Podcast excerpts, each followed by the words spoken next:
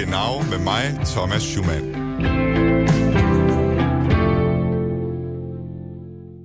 An alle Letztwählerinnen und Letztwähler an den deutschen Rundfunkempfangsgeräten. Deutschland. Wählen Sie die Partei Europa wieder positiv besetzen, damit Deutschland nicht erneut verliert. Ausfahrt. Ich kam vom Ping-Pong-Keller und habe mich in der Zimmernummer geirrt. Das Hotel ist etwas unübersichtlich. Aber jetzt wissen Sie, dass Sie in einer Fremdwanne sitzen und bahnen trotzdem Gleis weiter. 2. Einfahrt. ICE 16. Genau. Goddag og velkommen til Genau med mig, Thomas Schumann.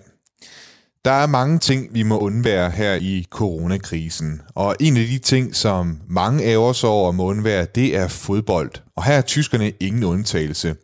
Som så mange andre stadioner i verden, så er også de tyske tomme for tiden.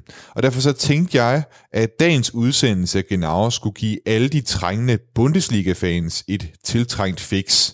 Med andre ord, så kommer vi i dag til at tale om, hvad det er, der gør tysk fodbold til noget helt særligt. Det, jeg synes, man har gjort rigtig, øh, rigtig godt i tysk fodbold, det er, at man har holdt fast i, øh, i rødderne, og det er både, når man taler om spillet og spillerne, og især om, om fansene. Vi kommer til at høre mere til Kjeld Bordingård og andre danskere med et tæt forhold til tysk fodbold. Og så også endnu mere til dagens gæst, Lykke Friis, der er direktør for Tænketanken Europa, og så er hun Bayern München-fan på livstid. Men før vi kaster os over tysk fodbold, så skal vi have sagt tillykke til Angela Merkel. For det var i fredags 20 år siden, at hun blev valgt som formand for det konservative parti CDU, og hvis hun stadig er kansler til november, så vil hun altså kunne fejre sit 15-års jubilæum som kansler.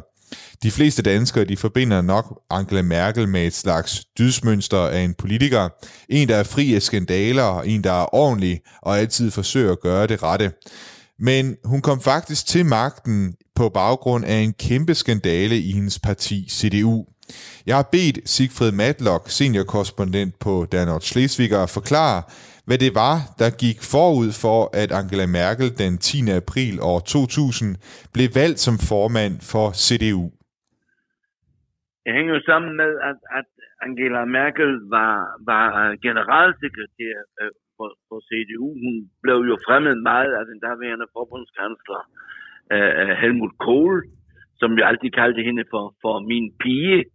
Og øh, sagen var jo den, at Kohl øh, måtte, måtte kollapse i virkeligheden sammen med partiet, da det blev afsløret, at han i nogle år tidligere havde modtaget nogle, nogle penge øh, til fordel for partiet. Ikke sådan, at, at Kohl selv havde beriget sig i nogen, på nogen måde, altså slags korruption, men, men partiet havde modtaget nogle anonyme øh, donationer, som han havde skjult, og som han ikke ønskede at fortælle om, hvem der reelt var, var dem, der havde sendt pengene. Og i den situation, hvor Kohl, hvor, hvor det store monument Kohl øh, brød sammen, ja, der kom så øh, øh, øh chancen for, at CDU selvfølgelig skulle have en, en ny begyndelse, og det prøvede man jo først med, med den øh, øh jo også meget kendte øh, politiker Wolfgang Schäuble, som først blev formand, men, men da han også fejlede, jamen øh, så, så, så var vejen, øh, øh, så hun i hvert fald sit snit til at, at, at tage magten, og, og alle har jo sidenhen lært, at, at Angela Merkel, at hende, hende må man aldrig, aldrig øh, undervurdere, fordi øh, øh, øh hun har, øh, hun er ikke en magtpolitiker, men hun har en magtinstinkt. Hun er den der øh, stringente brugholdertype, der, der er nøgteren og der kan øh, fortælle folk, hvad der er nødvendigt, og hendes politik er, er, mener hun jo, fordi hun hele tiden kommer fra det rationelle, hendes politik er alternativløs. Øh, det er ligesom det, der har skabt en, en, en mytos om hende, og, og øh, der, er ingen, der er ingen varme øh, øh, øh hos Merkel, og heller ingen varme for Merkel, men, men der er en enorm respekt for Merkel øh, i, i, i Tyskland. Nu sagde du, at øh, der tilbage i øh, år 2000, da hun kom til som formand i sin tid, der var det ligesom, ja. øh, hvad skal man sige, en nybegyndelse i, øh, ja. i CDU. Og de har jo også startet øh, formandsvalg for så vidt, eller det havde de før coronakrisen, var de ved at, ja. i CDU og skulle øh, finde en ny formand for CDU. Rigtigt, ja. Hvad, Ja. hvad, kommer til, hvad tror du kommer til at kendetegne den nybegyndelse, der må komme efter Merkel? Altså, hvad, du siger, hun er meget nøgtern, og hvad skal man sige, ikke særlig varm. Kommer man til at se, er der, er der en appetit på en anden slags politiker på, på posten som CDU-formand? Ja, det var der indtil, indtil for få uger, var der, var der en, en stor appetit, en klubbende appetit i, i, i CDU og i den tyske befolkning, øh, specielt jo også i Østtyskland, om at få en, en ny øh, øh, leder i stedet for Merkel. Øh, så, så derfor er det jo meget, meget interessant, at, at Merkel nu pludselig igen øh, topper øh, i, i, blandt, blandt, i populariteten blandt de tyske politikere. Jeg tror, at, at øh, øh, Merkels tid selvfølgelig øh, vil, vil, vil øh, løbe ud med, med, med den øh, periode. Øh, jeg tror, regeringen nu sidder så, så sikkert, at, at den også kan, kan, kan holde øh, perioden ud. Og så tror jeg, at, at man i, i CDU vil vælge ikke den konservative løsning med Friedrich Merz, men, men øh, øh, nok mest sandsynligt øh, ministerpræsidenten fra øh, Nordrhein-Westfalen, øh, Laschet, som, som er en, en, en, en helt typisk øh, merkelianer, altså også en, en meget midtsøgende øh, politiker. En, der kunne overraske i det spil. Øh, det kunne være Øh, øh, Bayerns øh, ministerpræsident Söder, der på det sidste har, har, har vist øh, sig som den helt store åbenbaring i, i, i CDU-CSU. øh, øh, men, men øh, man, må, man skal bare huske øh, tysk, øh, den politiske historie i Tyskland. En, en, en CSU-mand fra Bayern har aldrig nogensinde, der er jo flere, der har forsøgt at blive forbundskansler, men indtil nu er det aldrig lykkedes for en, en, en, øh, en fra Bayern at blive forbundskansler i Tyskland, og om, om, om Søder øh, tør tage springet. Øh, øh, og det er jo klart, hvis, hvis han siger, jamen, øh, jeg vil godt, så, så kan CDU næsten ikke sige nej til ham. Men om han tør tage springet, øh, det er så en anden side af sagen. Men, men øh, også Søder har jo i sin politiske stil forandret sig ganske alvorligt fra en, en mere højreorienteret, øh, hårdt slående politiker, er han også kommet i Bayern kommet ind øh, i, i en midterposition, som igen ligner øh, Merkels øh, politiske øh, platform. Sigfrid, du skal have mange tak, fordi du vil uh, tale med mig her i dag. Det er godt, du. Ja, og så må du holde dig sund og rask. Bis zum nächsten Mal, Ja, ikke? bis zum næsten Mal, ja. Hej, Thomas. Ja, hej, hej du. Hej.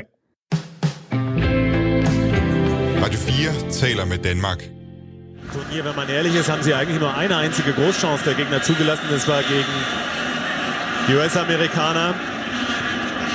Als es so einen kuriosen Pfostenschuss von Altidor gab, denn der Ja, vi ved stadig ikke, hvor længe der kommer til at gå, før vi kan høre lyden af tusindvis af fodboldfans på tyske stadions samles til en kamp i den tyske Bundesliga. Og det er derfor, vi i dagens udsendelse af Genau giver jer et tiltrængt fodboldfix. Og øh, nu er jeg langt fra den største fodboldnørd. Men jeg har heldigvis øh, til dagens udsendelse kunne alliere mig med den måske største nørd inden for tysk fodbold, som jeg i hvert fald kan komme i tanke om. Og det er selvfølgelig dig, Lykke Friis. Velkommen til. Tak skal du have. Du er til daglig direktør for Tænketanken Europa, øhm, og så har du jo virkelig beskæftiget dig rigtig meget med Tyskland i rigtig mange år. Og når jeg følger dig på Twitter, så handler det også for det meste om forhold i Europa og i Tyskland. Men så af og til, så ser jeg nogle gange nogle tweets fra dig om øh, Bayern München. Fordi jeg ved, jeg ved du også, du er, du er Bayern München-fan. Det første, jeg lige vil spørge dig om, det er i de her dage med coronakrisen, hvor, hvordan er det for dig at skulle undvære tysk fodbold i de her dage? Åh, oh, altså selvfølgelig meget, man savner. Man savner sine venner, man savner at kunne rejse, men ja, hånden på hjertet, jeg savner naturligvis også øh, tysk Bundesliga. Mit liv er i høj grad også struktureret omkring, jamen, hvornår spiller mit hold Bayern München, og det er jo ikke altid, jeg kan se det, men øh, jeg ved altid, hvornår det spiller, og jeg kan altid følge med på Twitter. Øh, så det savner jeg i høj grad. Sådan lørdag kl. 15.30 er jo heldigt, for der er det som ofte, så Bayern München spiller. Og jeg ved også, du har virkelig fulgt med i, hvornår det er, at de regner med at åbne ligaen igen, den tyske Bundesliga. Øh, hvad, hvad er status quo på det for tiden? Ja, der er sådan begynder at være lidt håb øh, gående på, at det kan være enten i starten af maj, øh, den 3. maj, eller det kan blive den 9. maj. Og der er det jo sådan, at øh, i den uge, vi går ind i, der er det jo sådan, at øh, den tyske regering skal beslutte, og man kan langsomt begynde at åbne det tyske samfund igen, og der vil Bundesligaen jo så også være en del af, af diskussionen. Men altså, starten af maj kunne godt være et godt bud, og den, den 9. maj er måske nok pt. det mest realistiske. Den 2. maj er måske for, for optimistisk. Og lige her til start med, kan du så helt kort øh, forklare, hvordan var det, at du er blevet øh, Bayern München-fan? Der er mange, der er mange tyske fodboldklubber. Hvorfor lige øh, Bayern München? Åh, oh, det er egentlig ret banalt. Min øh, familie, det vil sige min far, min mor og min storebror, vi var i München i på sommerferie sådan i starten af 80'erne, ja, faktisk flere gange i 80 og 81. Dengang var der jo sådan to øh, fodboldspillere, der dominerede tysk fodbold, og den ene hed Karl-Heinz Rummenigge, den anden hed Paul Breitner. De blev kaldt Breitnicke, fordi de jo næsten var sådan lidt, lidt, lidt var tvillinger på, på banen, og jeg husker min bror og jeg vi rundt på det olympiske stadion og tænkte bare, det er simpelthen vores hold, og det har det været lige siden, og det er også gået i arv, både hos mine bøger og min, min gudsøn, så, og min mand er også tvangslagt op i Bayern München. Det er simpelthen et uh, hele familiens hold, det der Bayern München. Inklusive hunden, der har en Bayern München trøje. Okay. Det er godt, du er med i dag, Lykke, så jeg er sikker på, at vi får en begavet udsendelse om, om tysk fodbold i dag, øh, med din, hvad skal man sige, dit lange forhold til, til tysk fodbold. Og vi skal i dag øh, høre fra lidt forskellige mennesker. Vi skal høre fra en fodboldspiller, en træner, en fan, og så et par tyske fodboldintellektuelle. Og jeg kommer til at spille nogle klip for dig i dag, Lykke, øh, hvor du også skal gætte, øh, hvor de her klip de kommer fra. Det håber jeg, du er med på. Og vi prøver, lige, vi prøver lige at lægge øh, ud med det første klip her. Det er spændt på, om du kan, du kan gætte, hvor det stammer fra. Die Pantherkatze Grosic und jetzt die Ungarn, die Ungarn alleine durch, aber unser Toni, unser Fußballheld aus Düsseldorf, Held und er hat das Glück des Tüchtigen, der Nachschuss von Hidefut. Ja, kan du gætte, hvor det stammer fra, det klip? Ja, det må være deres Wunder von Bern. Det må være, da Vesttyskland vinder VM-finalen i 1954. Det er nemlig fuldstændig rigtigt. Det er nemlig fra verdensmesterskabet i 1954, altså i Bern, hvor Tyskland fik titlen som verdensmester efter, altså ikke særlig lang tid efter 2. verdenskrig. Og grunden til, at jeg har taget det klip med, det er, fordi jeg har talt med Rainer Holtschuh, og han er udgiver af det tyske fodboldmagasin Kicker. Og havde det nu ikke været for coronakrisen, så ville Kicker her til sommer have fejret sit 100-års jubilæum med store fodboldnavne og den tyske forbundspræsident Frank-Walter Steinmeier som gæst. Jeg spurgte uh, Rainer Holtschuh, hvad fodbold betyder for den tyske folkesjæl, og her der kom vi altså ind på den betydning, fodbold historisk set har haft for Tyskland. Deutschland ist ein Fußballland und alles hat sich vor allen Dingen dadurch gedreht, dass Deutschland nach dem Krieg bei der Weltmeisterschaft 19... Rainer Holtschuh, han siger her, at Tyskland det er et fodboldland, fodboldland, og det hænger særligt sammen med, at Tyskland efter 2. verdenskrig overraskende vandt det her verdensmesterskab i 1954. Det gav anledning til en ny fællesskabsfølelse i Tyskland. Tyskerne de blev mundret op og kunne lægge krigen bag sig og bygge op på ny. Eigentlich nicht vorstellbar. Und umso äh, größer war natürlich der Jubel und die Freude in Deutschland. Und zum ersten Mal konnte man wirklich wieder mit äh, geraden, gebeugten Rücken durch Deutschland gehen. Ich war damals Han siger, altså hvem havde nogensinde kunne forudse det her mirakel i Bern, altså das Wunder von Bern, som øh, det er blevet kendt sidenhen. Det havde man ikke kunne forestille sig, og derfor så var jublen også så meget desto større. Og for første gang, der kunne tyskerne altså ranke ryggen. Altså det er altså et eksempel på, at øh, fodbold det har kunne samle tyskerne, og det hjalp altså med at genopbygge stoltheden øh, over det at være tysk. Og det er faktisk ikke så forfærdeligt mange år siden, at vi havde endnu sådan et eksempel i, øh, i tysk fodboldhistorie, nemlig ved verdensmesterskabet i 2006, som blev afholdt i Tyskland. Vor dieser Weltmeisterschaft 2006 hat äh, man in Deutschland immer wieder versucht, äh, den han siger her forud for verdensmesterskabet i 2006, der forsøgte tyskerne altid at undertrykke national stolthed på grund af tiden med Hitler og 2. verdenskrig. Altså han siger, at som tysker, der vil man egentlig ikke være stolte over øh, sin nationalitet, for man vil vise alle i verden, at man havde lært af fejlene fra 2. verdenskrig. Zweiten Weltkrieges. Und als dann plötzlich bei der WM 2006 dann ein wirkliches Märchen entstand, dass wir men da der så i 2006 udspillede sig et ægte fodboldeventyr, der senere kom til at hedde Sommermærchen, altså sommereventyret, øh, og det udspillede sig altså ved, at der kom fodboldfans fra hele verden til Tyskland, som gik igennem de tyske gader med deres nationale, far- nationale farver, deres påklædning, og de sang deres fantastiske sange på stadions. Altså der blev tyskerne også grebet og revet med af den her stemning. Können und passieren sollen. Man hat gesehen, dass äh, die Autos geschmückt waren in den Nationalfarben. Ähm, allein die, die Scheinwerfer... Man så pludselig flag hænge fra husene, som man ellers aldrig havde set før. Man så, at bilerne var udsmykket i nationalfarverne, forlygterne og sidespejlene blev farvet i sort, rød, gylden. Han siger, øh, Reiner Holtschuh her, at man stod frem som et mundret folk, et broderligt folk, som gerne vil fejre fodbolden sammen med andre. Det var et gennembrud, som nok de færreste tyskere havde regnet med, og som heller ikke folk udefra havde regnet med. Og det viser, hvor, hvor vigtigt og værdifuldt fodbold kan være. Das hat auch gezeigt, wie wertvoll und wichtig der Fußball sein kann.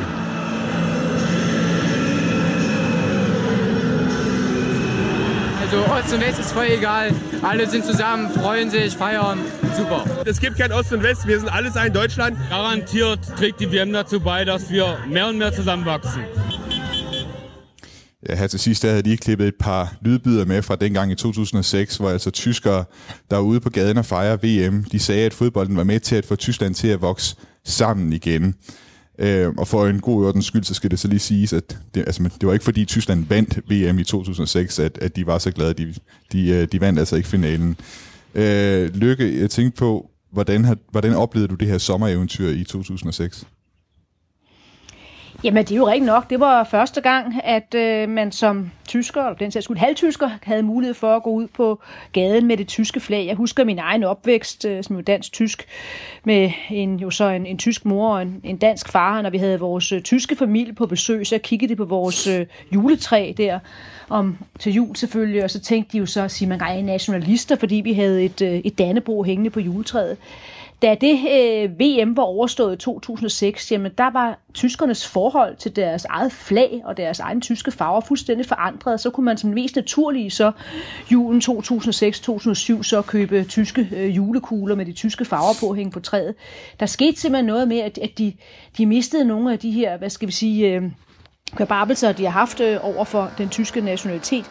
Men hvad der også øh, for alvor rykkede øh, for dem, det var, at udlandet kom til Tyskland, og i den grad var glade for at være der, og levede fuldstændig ind i den der op til mottoet, som var, at det var zu Gast bei Freunden. Man var altså kommet, man var gæster øh, blandt, blandt venner, og det var altså også med til at, at rykke en hel del hos tyskerne. Så det var virkelig et VM, og det er jo ikke kun noget, når man er fodboldinteresseret, når man læser alle mulige bøger og artikler om, om tysk nyere national identitet, ja, så nævnes det her VM altså af ja, nærmest alle sammen.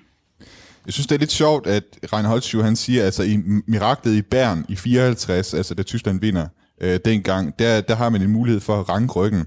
Og alligevel så er det som om, at tyskerne igen i 2006 skal have en grund til at være stolte over det her med at være tysk. Altså hvorfor er det, at den der sejr i 1954 ikke er, hvad skal man sige, tilstrækkelig, at man allerede der kunne finde, øh, hvad skal man sige, de nationale farver frem og, og fejre det at være tysk øh, efter det?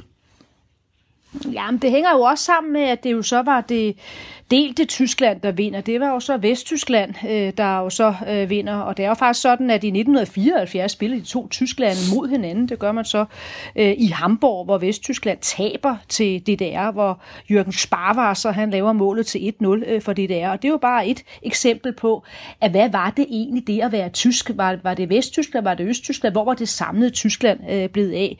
Og der skal man jo altså så have genforeningen på plads, og det ser man jo så allerede, da Vesttyskland vinder Øh, VM jo så i 1990 i Rom, hvor man slår Argentina 1-0 øh, i finalen. Er det så det første VM, hvor hele Tyskland så fejrer det, altså hvor så også østtyskerne går ud på gaden.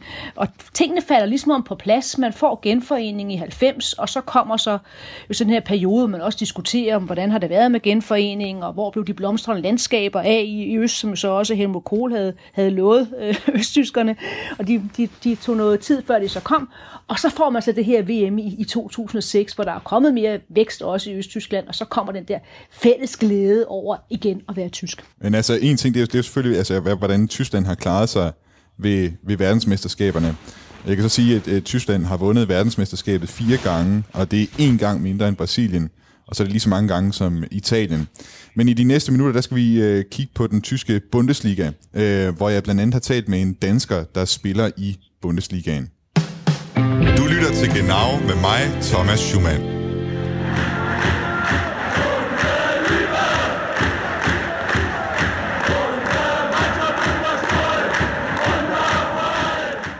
I dagens udsendelse Genau, der zoomer vi ind på de fodboldtossede tyskere. Og min gæst i dag, det er en en, der er tosset med tysk fodbold. Det er direktøren for Tænketanken Europa og Bayern München-fan øh, Lykke Friis. Lykke, øh, lige om lidt, der skal vi høre fra en dansker, der spiller i den tyske Bundesliga. Og jeg spillede lige et klip fra, øh, hvad skal man sige, en af klubbens kampe og klubbens fans. Og jeg er spændt på, om du hørt og kan gætte, hvad det var for en klub, jeg spillede, hvad den her danske øh, spiller øh, spiller for. Mm, nej, ikke for at trække. Jeg kunne ikke høre det kortet. Du kunne ikke altså, høre det? Spiller også. Nej, men der er selvfølgelig en række danskere, der spiller i, ja. i Bundesligaen. Jeg prøver, jeg prøver øh, lige jeg at spille det igen. Jeg ja, lad mig lige høre en gang til. Ja. ja.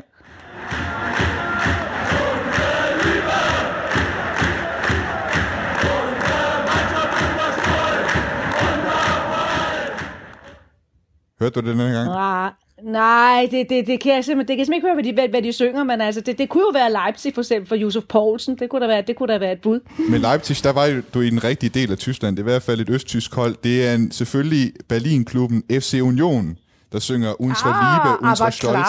Ja, det var det, det, ja, ja. det kan godt være, det var svært at høre med, med det klip her.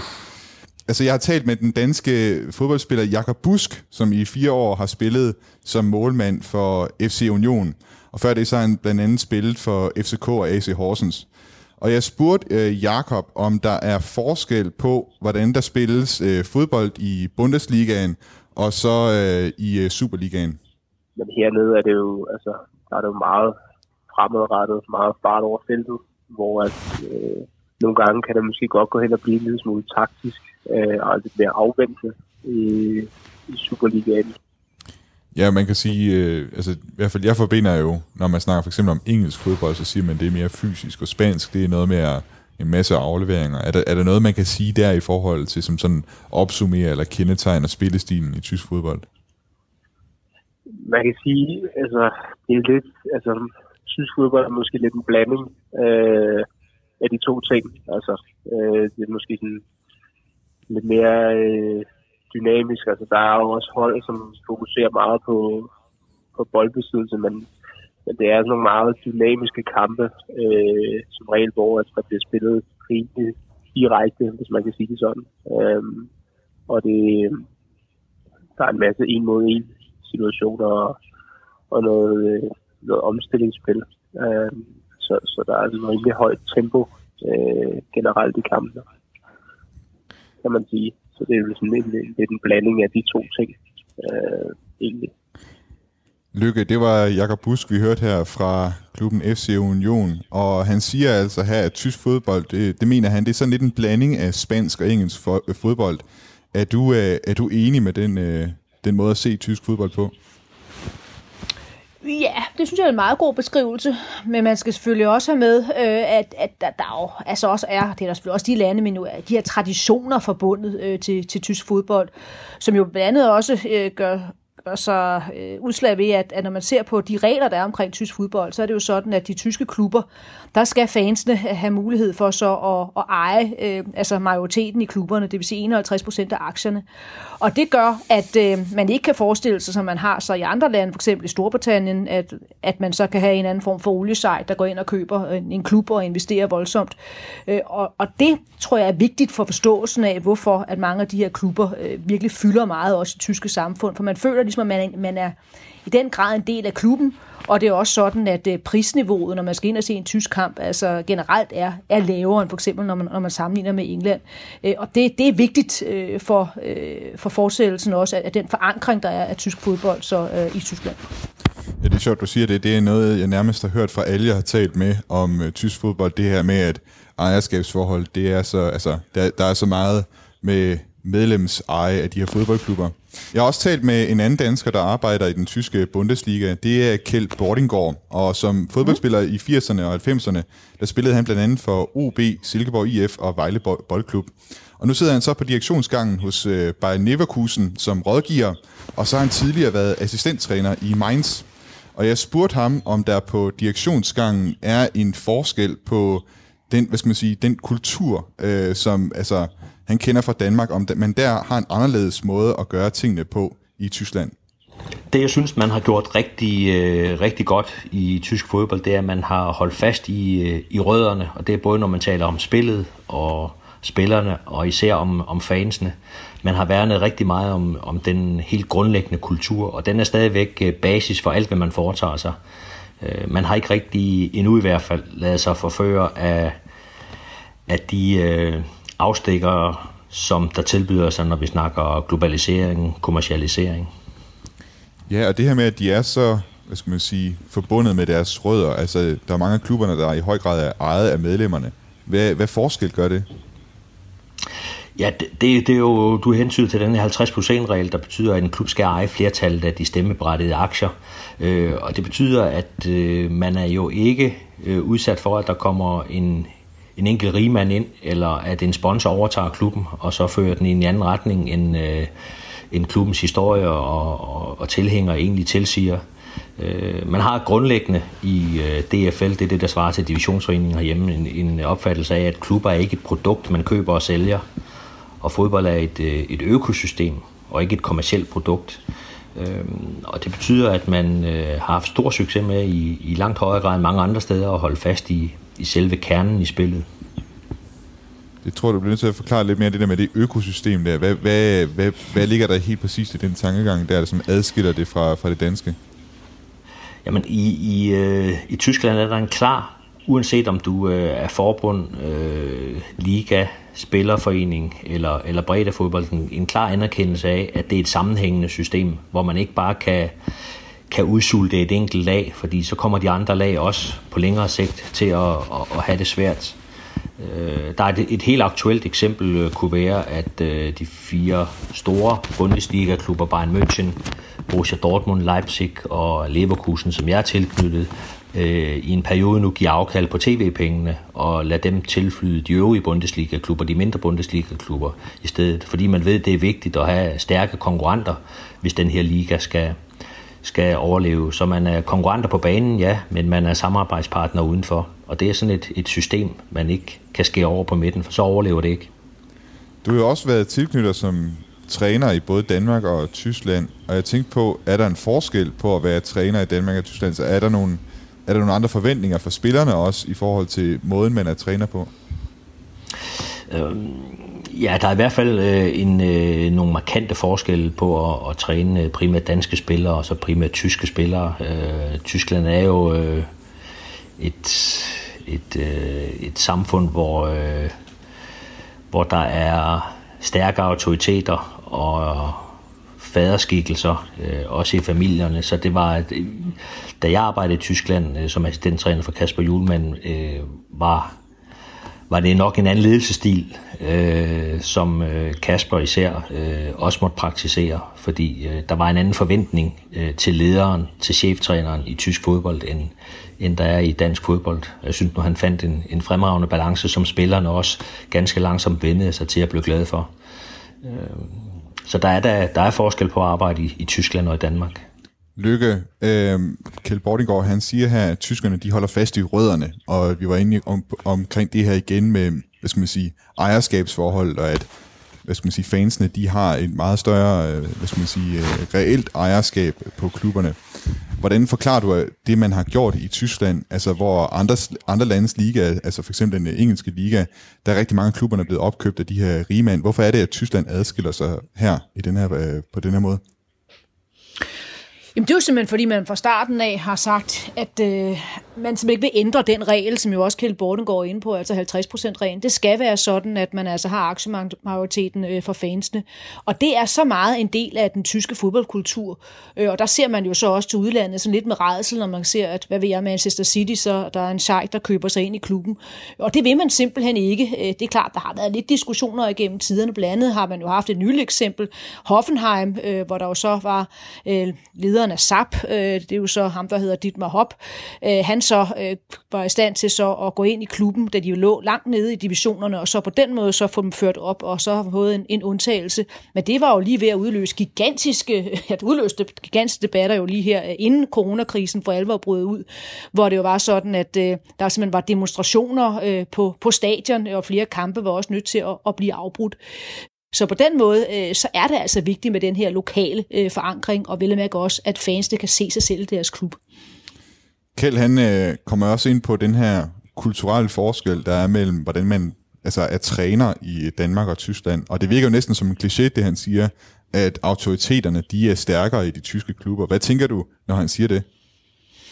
Åh, oh, jeg kom straks til at tænke på Preben Elkær, da han jo så for mange, mange, mange år siden spillede i, i Køln, øh, hvor der var de der klassiske øh, slagsmål, han så havde med, med sin daværende øh, træner, hvor han jo så øh, blev anklaget for, om han var blevet set med, med en flaske, flaske sprut i hånden, om det var en flaske whisky. Nej, så sagde han, det var, det var, det var, to, to, to flasker sprut, han var blevet set med. Det lykkedes jo aldrig rigtig helt for Preben Elkær øh, på det tidspunkt der, og, og, og sådan vinde for alvor fodfæste i den tyske Bundesliga. Men jeg synes også som Kjeld, det, det har jo ændret sig en hel del. Altså tage en landsholdstræner som Jogi Løf er jo en meget moderne, øh, udadvendt øh, person, som i høj grad ikke øh, leder sit hold igennem det, at han er autoriteten.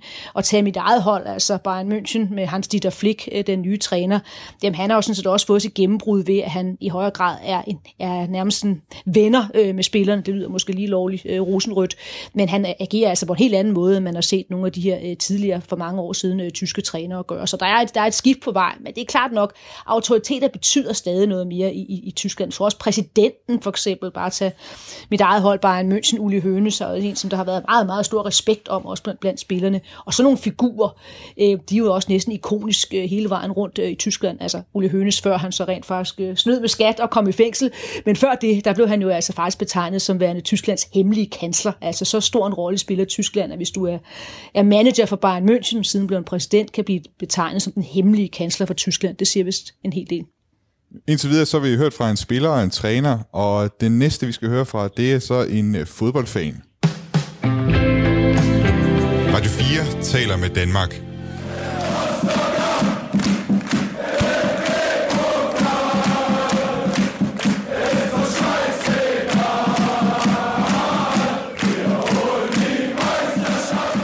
Som du måske kan høre derude, så handler dagens udsendelse genau om tysk fodbold. Og jeg har i dag direktør for Tænketanken Europa og fodboldfanatiker Lykke Friis med som gæst. Og nu spillede jeg lige endnu et klip, øh, Lykke, fra lægterne til en tysk fodboldkamp. Og jeg ved ikke, om du kan høre det den her gang. Øh, godt nok til at kan gætte, hvad det er for en klub, det her det så drejer sig om. det, tør jeg, det tør jeg heller ikke at skyde på. Okay. Jeg kan simpelthen ikke høre, hvad de søger. Men det, jeg kan så sige, jeg kan røbe, det var altså fodboldklubben St. Pauli, øh, som ah. ligesom, øh, hvad skal man sige, FC Union også. Ja. Ja, de, ja. de har også sådan en, en kultstatus, ikke også? I, ja, øh, i, øh, både, både i Danmark og, og i Tyskland. Og øh, St. Pauli, den er, det er en klub fra Hamburg, og de spiller i anden Bundesliga. Det kan man også sige, det er også lidt sjovt. Det, det er en anden Bundesliga-kamp, og alligevel så er de så store. Jeg ved faktisk ikke, om de har spillet i, øh, i Bundesligaen. Det, ved du det? Oh, jo, ja, det jo, jo, de har det op. Okay. Men altså, som sagt, St. Pauli har en øh, stor fanbase i hele verden, og i Danmark, der findes der også en fanklub med et helt særligt navn. De brune pandaer. Og jeg har talt med formanden for de brune pandaer, Johan Lorentzen, og jeg spurgte ham, hvordan de brune pandaer de blev til. Historien bag de brune pandaer er jo, at vi var en gruppe venner, som øh, tilfældigt tog, tog til Hamburg og så øh, en fodboldkamp med St. Pauli, og, øh, og blev simpelthen så forelsket i den der klub, øh, og blev enige om, at øh, det måtte vi ned og se igen. Øh, og det, det var lidt svært at få billetter til, til St. Pauli, fordi der næsten er udsolgt til alle kampe, så, øh, så besluttede vi os for at lave en, øh, en fanklub, så vi kunne købe øh, billetter gennem, øh, gennem fanklubben. Øh, og det var egentlig sådan, det startede. Øh, og så tilbage i 2007, så, så oprettede vi så den her fanklub, som fik navnet De Brune Pandaer. Og, og hvad var det ved St. Pauli, der gjorde, at, at I simpelthen faldt, faldt pladask for dem? Jamen, det var, det var stemningen.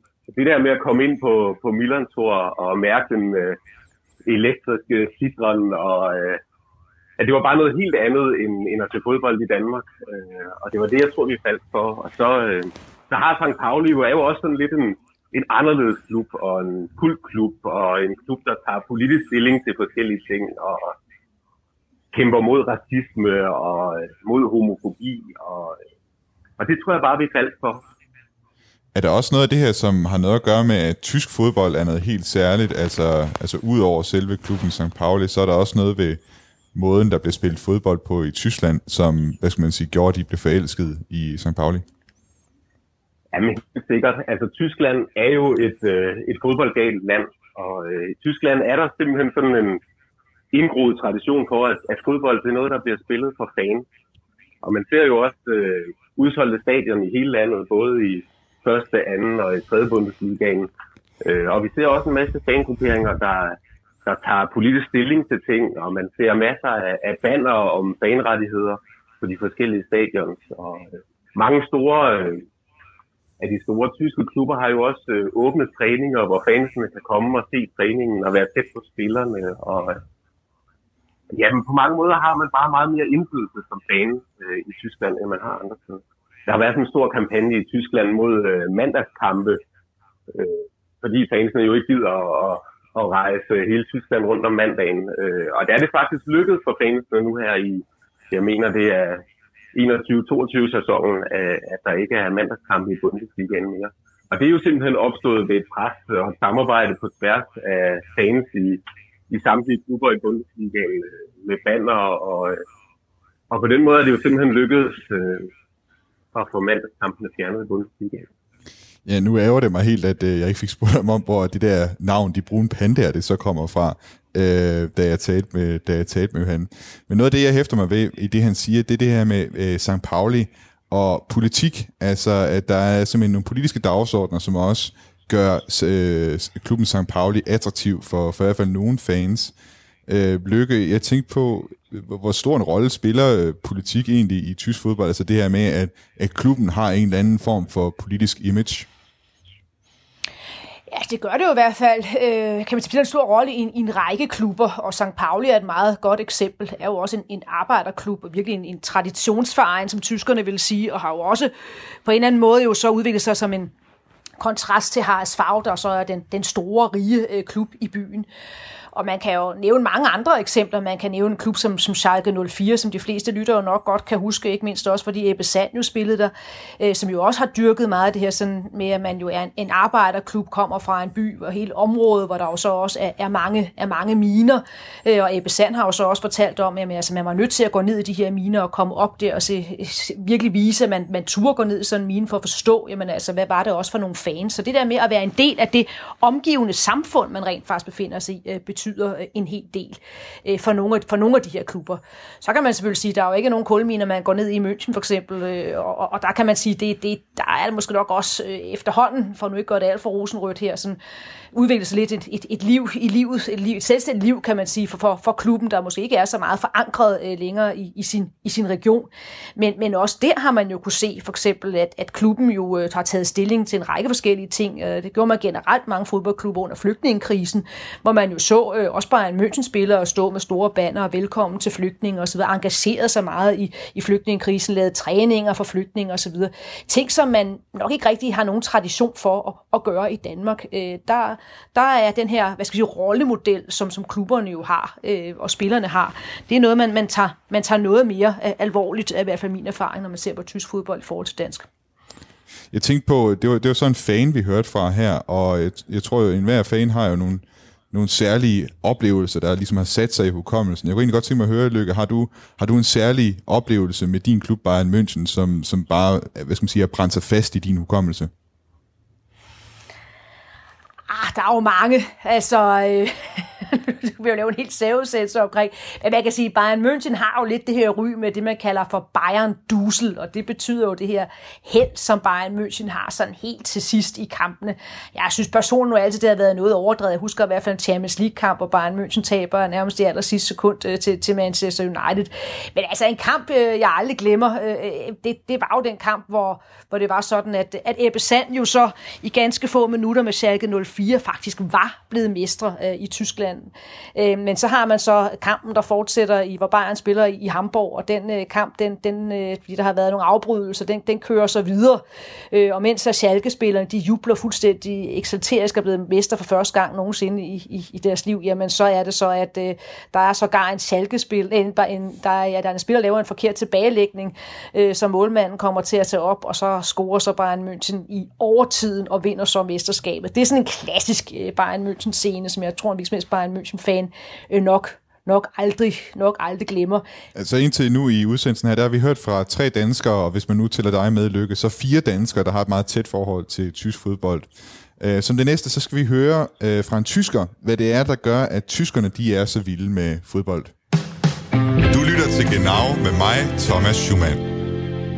Dagens udsendelse af Genau, der har vi både været på trænerbænken, ude på Grønsværen og så på lægterne af tysk fodbold. Min gæst er Bayern München-fan og direktør for Tænketanken Europa, Lykke Friis. Og nu skal vi kaste os over, hvad der, er op i, hvad skal man sige, hvad der sker op i hovederne på tyskerne, og hvad der får dem til at være så vilde med fodbold. Jeg har talt med filosofen Gunther Gebauer, og han har skrevet bogen Poetik des Fußballs, altså fodboldens poesi. Og da jeg talte med ham, så fortalte han mig, at der var særligt to ting, som begejstrer tyskerne ved fodbold. Wir haben bei uns so eine Art Mythos des Trainers seit langer Zeit, viel stärker als in anderen Ländern. Gunther han siger her, at tyskerne de i lang tid har haft en mytologisk forestilling om træneren, der, altså, og den her forestilling er altså stærkere, end den er i andre lande. Tyskerne har altid været fascineret af de store feltherrer, eksempelvis den tyske herrefører Hindenburg i Første Verdenskrig. De store generaler og marskaller øh, og de militære traditioner, de findes ikke rigtig i, mere i Tyskland, men det fortsætter alligevel på en eller anden måde i fodbolden. Eine Fortsetzung davon, nämlich der große Feldherr. Und da haben wir diese Figur äh, øh, von ähm, Herberger, Sepp Herberger, der øh, äh, mit einer äh, øh, guten deutschen Mannschaft, aber nicht mehr als einer guten Mannschaft. Der er en figur som Sepp Herberger, altså landsholdstræneren, da Tyskland vandt i 1954 i Bern. Han gik til verdensmesterskabet dengang med et godt tysk fodbold, øh, altså et godt tysk landshold, men så heller ikke mere end bare godt, og det vandt han altså med.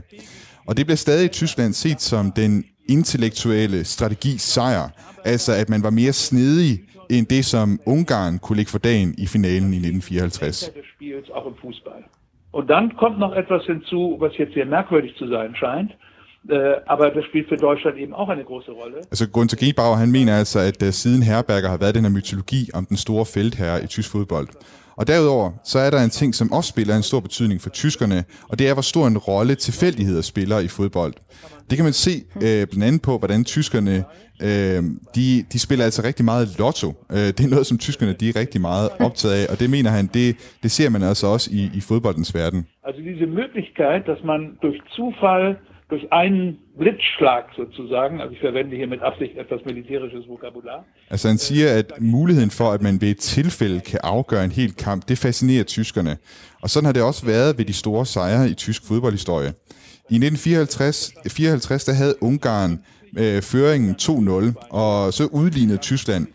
Det var så ved et tilfælde, at den ungarske målmand var uopmærksom, og Helmut Rahn altså ved et tilfælde fik bolden og skød den mellem benene på målmanden.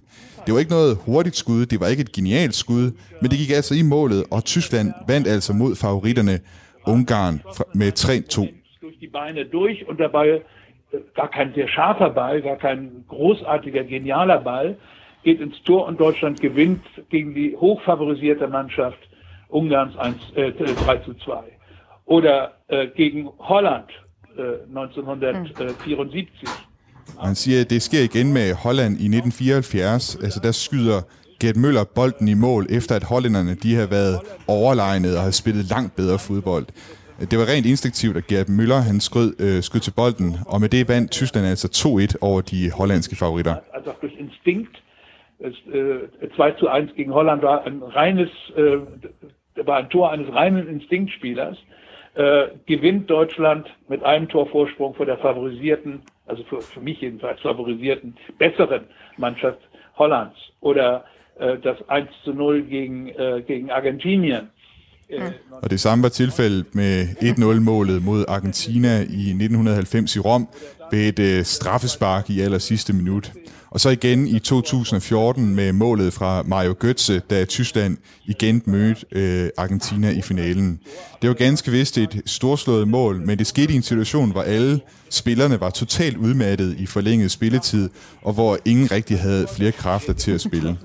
Man. Aber eben auch ein Tor, das ein Produkt war eines, eines, eines, einer zufälligen Aktion, wo die deutsche Mannschaft mit zwei Spielern nach vorne kam und die argentinischen Abwehrspieler mal für eine Sekunde nicht richtig aufgepasst.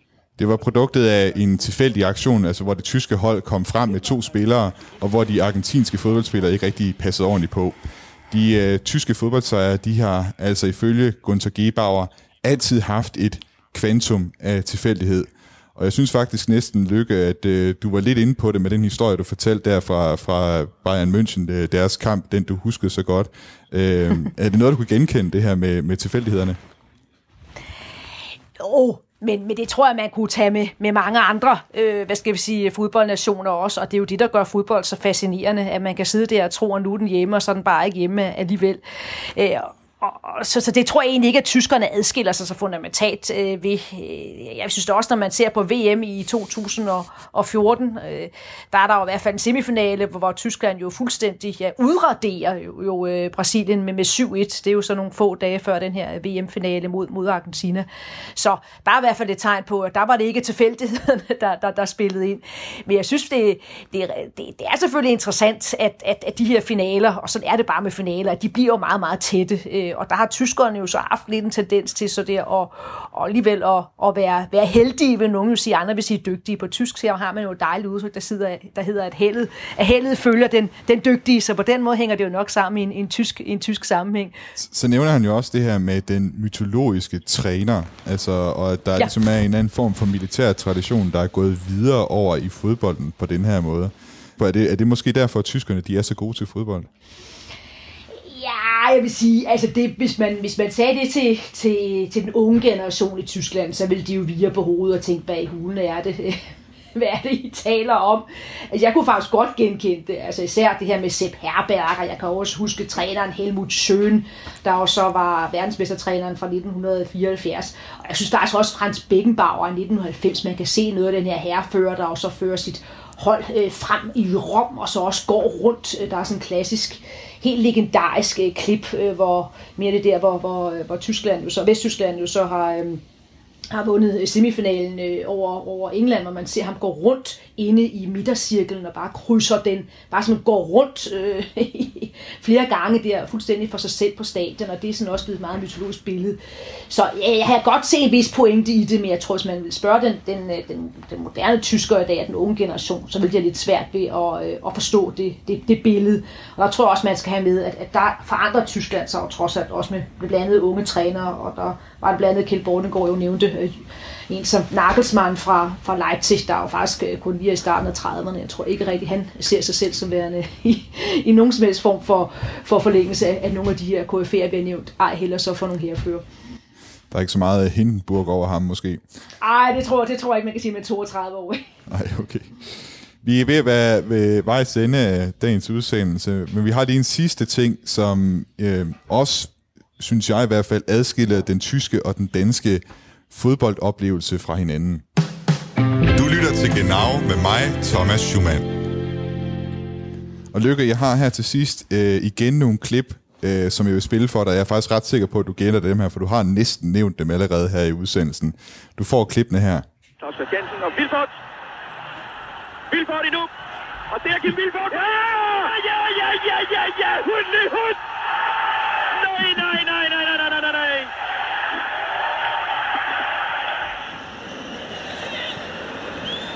Schirle. Der kommt an!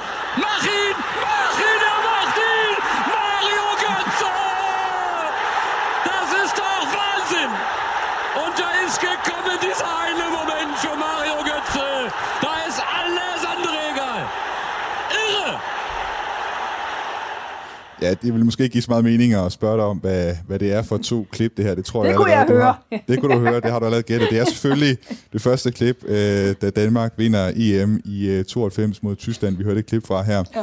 Og det andet klip, det var fra da Tyskland vinder verdensmesterskabet i Argent- altså mod Argentina i 2014, den kamp, der blev så spillet i Brasilien. Men hvis, nu glemmer, hvis vi nu glemmer alt det her om, øh, hvem der spillede og hvilken kamp og sådan noget det var, Øh, men så i stedet for at tænke på, på den lyd, vi hørte her, øh, og hvordan det blev kommenteret, så er der en væsentlig forskel. Kan du gætte, hvad det er for en forskel, jeg, jeg fisker efter her, Lykke? Mm, nej, er det det med hudlig hud, eller hvad? Altså man bruger sådan andre udtryk, altså mere sådan, øh, kreerer sine egne udtryk, eller hvad? Nej, nej, ah, det er det, nej, det, er det desværre ikke helt. Nej. Nej, det, er, det, er, det jeg fisker efter, Lykke, det er, at øh, ved den danske kamp, der, øh, hvad skal man sige, dansk fodbold, øh, når det bliver kommenteret, så sidder der jo typisk to og kommenterer den. Mens det i Tyskland, Nå. så øh, er det meget almindeligt, at der kun er en, der sidder og kommenterer en fodboldkamp. Og jeg har faktisk talt med, hvad hedder det, øh, en af de tyske kommentatorer, Tom Bartels, øh, som du faktisk lige hørte et klip fra her, ja. øh, fra VM i 2014. Det var nemlig ham, der kommenterede, kommenterede den kamp. Og, øhm, og jeg, har altid, jeg, jeg har altid undret mig over det der med, at, at man kan sidde der som en enkelt kommentator og kommentere en helt fodboldkamp, der altså typisk bare 90 minutter. Og, og jeg spurgte ham, øh, da jeg talte med ham som det første, om ikke han savnede at have en medkommentator, da Mario Götze altså lavede det afgørende mål i finalekampen mod, øh, mod Argentina tilbage i 2014. Also in dem Moment habe ich es nicht vermisst. In dem Moment war das die reine Befreiung, ähm, weil das Spiel ja schon in der Verlängerung... Her siger Tom Bartels, at det savnede han altså ikke at have en ekstra at have en medkommentator, fordi i det øjeblik, der var det bare en følelse af ren befrielse da kampen allerede var i forlænget spilletid, og følelserne altså sad uden på tøjet. Han slap bare løs, og for alle de følelser, han havde, han var lettet over, at målet kom, for han frygtede den straffesparkskonkurrence, der lurede rundt om hjørnet, skønt han nu var sikker på, at Tyskland nok skulle have vundet den øh, straffesparkskonkurrence også. Jeg spurgte ham også, om ikke det er svært at holde en øh, monolog kørende. Altså de her kampe, de øh, i forlænget spilletid, der kan de komme helt op og vare to timer. Ja, wir sind das ja in Deutschland gewohnt. Das ist ja bei uns seit vielen Jahren die Kultur, dass ein Kommentator alleine... Ja, siger Tom Bartels, at altså, det er man altså vant til i Tyskland. Sådan har kulturen været i mange år, at øh, der kun sidder én kommentator ved mikrofonen.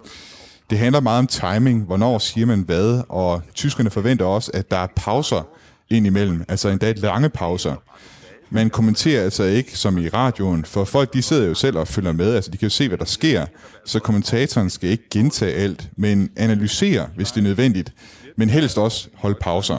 Jeg spurgte også Tom Bartels, hvordan han forklarer, at der er så, altså det er så forskelligt fra land til land, hvor mange kommentatorer, der sidder og kommenterer en fodboldkamp. Deutschland und Dänemark gibt in Bezug auf die Menge der Kommentatoren beim Fußballkampf.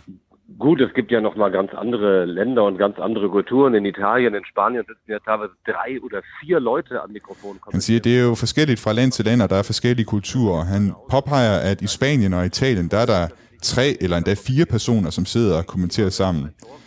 Tom Bartels siger, at han er glad for, at han ikke er kommentator i Sydamerika, hvor der hver gang, der falder et mål, skal råbes goal i 20 sekunder. Det vil ifølge ham virke robotagtigt, hvis, øh, fordi de har ikke noget med følelser at gøre, at skulle sidde og råbe sådan der i 20 sekunder. Ob Eigentor oder Fallrückzieher, Goal rufen muss 20 Sekunden. Das ist weder intelligent noch sonst irgendwas. Das weckt vielleicht die äh, Hausfrau, die gerade irgendwo bügelt und dann schnell zum Fernseher. Han siger, det er ikke særlig intelligent. Måske er det for at vække husmoren, der står og stryger, så hun kan rende hen til fjernsynet og se, at der er scoret et mål. Men det har intet med kvalitet at gøre, mener Tom. Tom, han tror, det er en meget større kunst at kunne tige, altså holde sin mund i 20 eller 30 sekunder. Og Lykke, jeg tænkte på, når, når der nu er VM eller EM, når det, når det kommer tilbage en gang her efter coronakrisen, og du skal til at se fodbold, og jeg går ud fra, at du har adgang til både tyske og danske kanaler. Hvad foretrækker du så? Foretrækker du den tyske måde eller den danske måde, øh, der bliver kommenteret fodbold på? Ej, jeg vil sige, det afhænger af, hvem der spiller. Altså, hvis det er Tyskland, der spiller, skal jeg naturligvis se den over Tyskland, men er det Danmark, så skal det være med en dansk kommentator, og tilsvarende, så slår jeg over på Sverige, hvis, det, hvis Sverige er med, for jeg synes bare, der får man den, den største entusiasme, og det synes jeg sådan set, at det, der er det, som fodbold jo lever af, det er i høj grad også entusiasmen. Så det er ikke så meget, hvordan de kommenterer, det er mere, om, det, om de rent faktisk har den entusiasme, fordi det er deres eget hold, øh, der spiller. Lykke Friis, direktør i Tænketanken Europa. Uh, tusind tak for, at du vil være med i dag og tale om tysk fodbold. Det har været en uh, sand fornøjelse at have dig med her i dag. Det har også været fornøjelse af en dejlig afbræk for coronakrisen. det må man sige, og så må vi håbe, at de hurtigt kommer i gang med at, ja. med at spille. Jeg kan forstå, at de også de er begyndt at træne en smule, ikke? Er det ikke rigtigt? Jo, øh, og det har der så også været lidt diskussioner af, om hvorvidt øh, Bundesligaen skulle have en ekstra wurst, øh, som man så kalder på tysk, hvis man får en særbehandling, fordi de har jo så haft mulighed for, i hvert fald her på det seneste den sidste uge, så at træne. Øh, men de træner jo så inden for nogle helt klare regler, hvor man for eksempel bare er München spiller, der er de jo så øh, på fem, fem mand på banen af gangen og holder afstand og så videre. Så, og det er jo også lidt svært, kan man sige, så ikke at, øh, at træne, hvis man så skal, skal til at spille igen i, i starten af maj. Så så må ikke det alligevel, alligevel lykkes, at Bundesligaen så kommer i gang igen. Det er jo i hvert fald også noget af det, der, der samler tyskerne og giver dem noget at, at tale om, men, men lige så klart er det jo bare, at det bliver det, vi kalder for geisterspile, altså spøgelseskampe, for der kommer ikke nogen tilskuer på stadion øh, de næste øh, mange måneder, må man i hvert fald gå ud fra. Vi må håbe, de hurtigt kommer i gang igen. Endnu en gang mange tak, Løve Friis, fordi du vil være med her i dag. Og øh, også tak til dig derude, der lyttede med til dagens udsendelse af Genau, der som altid er lavet af mig, Thomas Schumann og min kollega Jeppe Rets Husted. Du kan lytte til Genau igen i næste uge, tirsdag kl. 13.05. Hvis du vil lytte til tidligere udsendelser, kan du finde dem på Radio 4's hjemmeside, på Spotify eller på Apple, Apples podcast-app. Har du ris, ros, kommentar eller anden feedback, så send dem gerne til mig på genau radio4.dk. Indtil Genau igen bliver sendt i næste uge, så vil jeg ønske dig en god uge og tøj, tøj, tøj.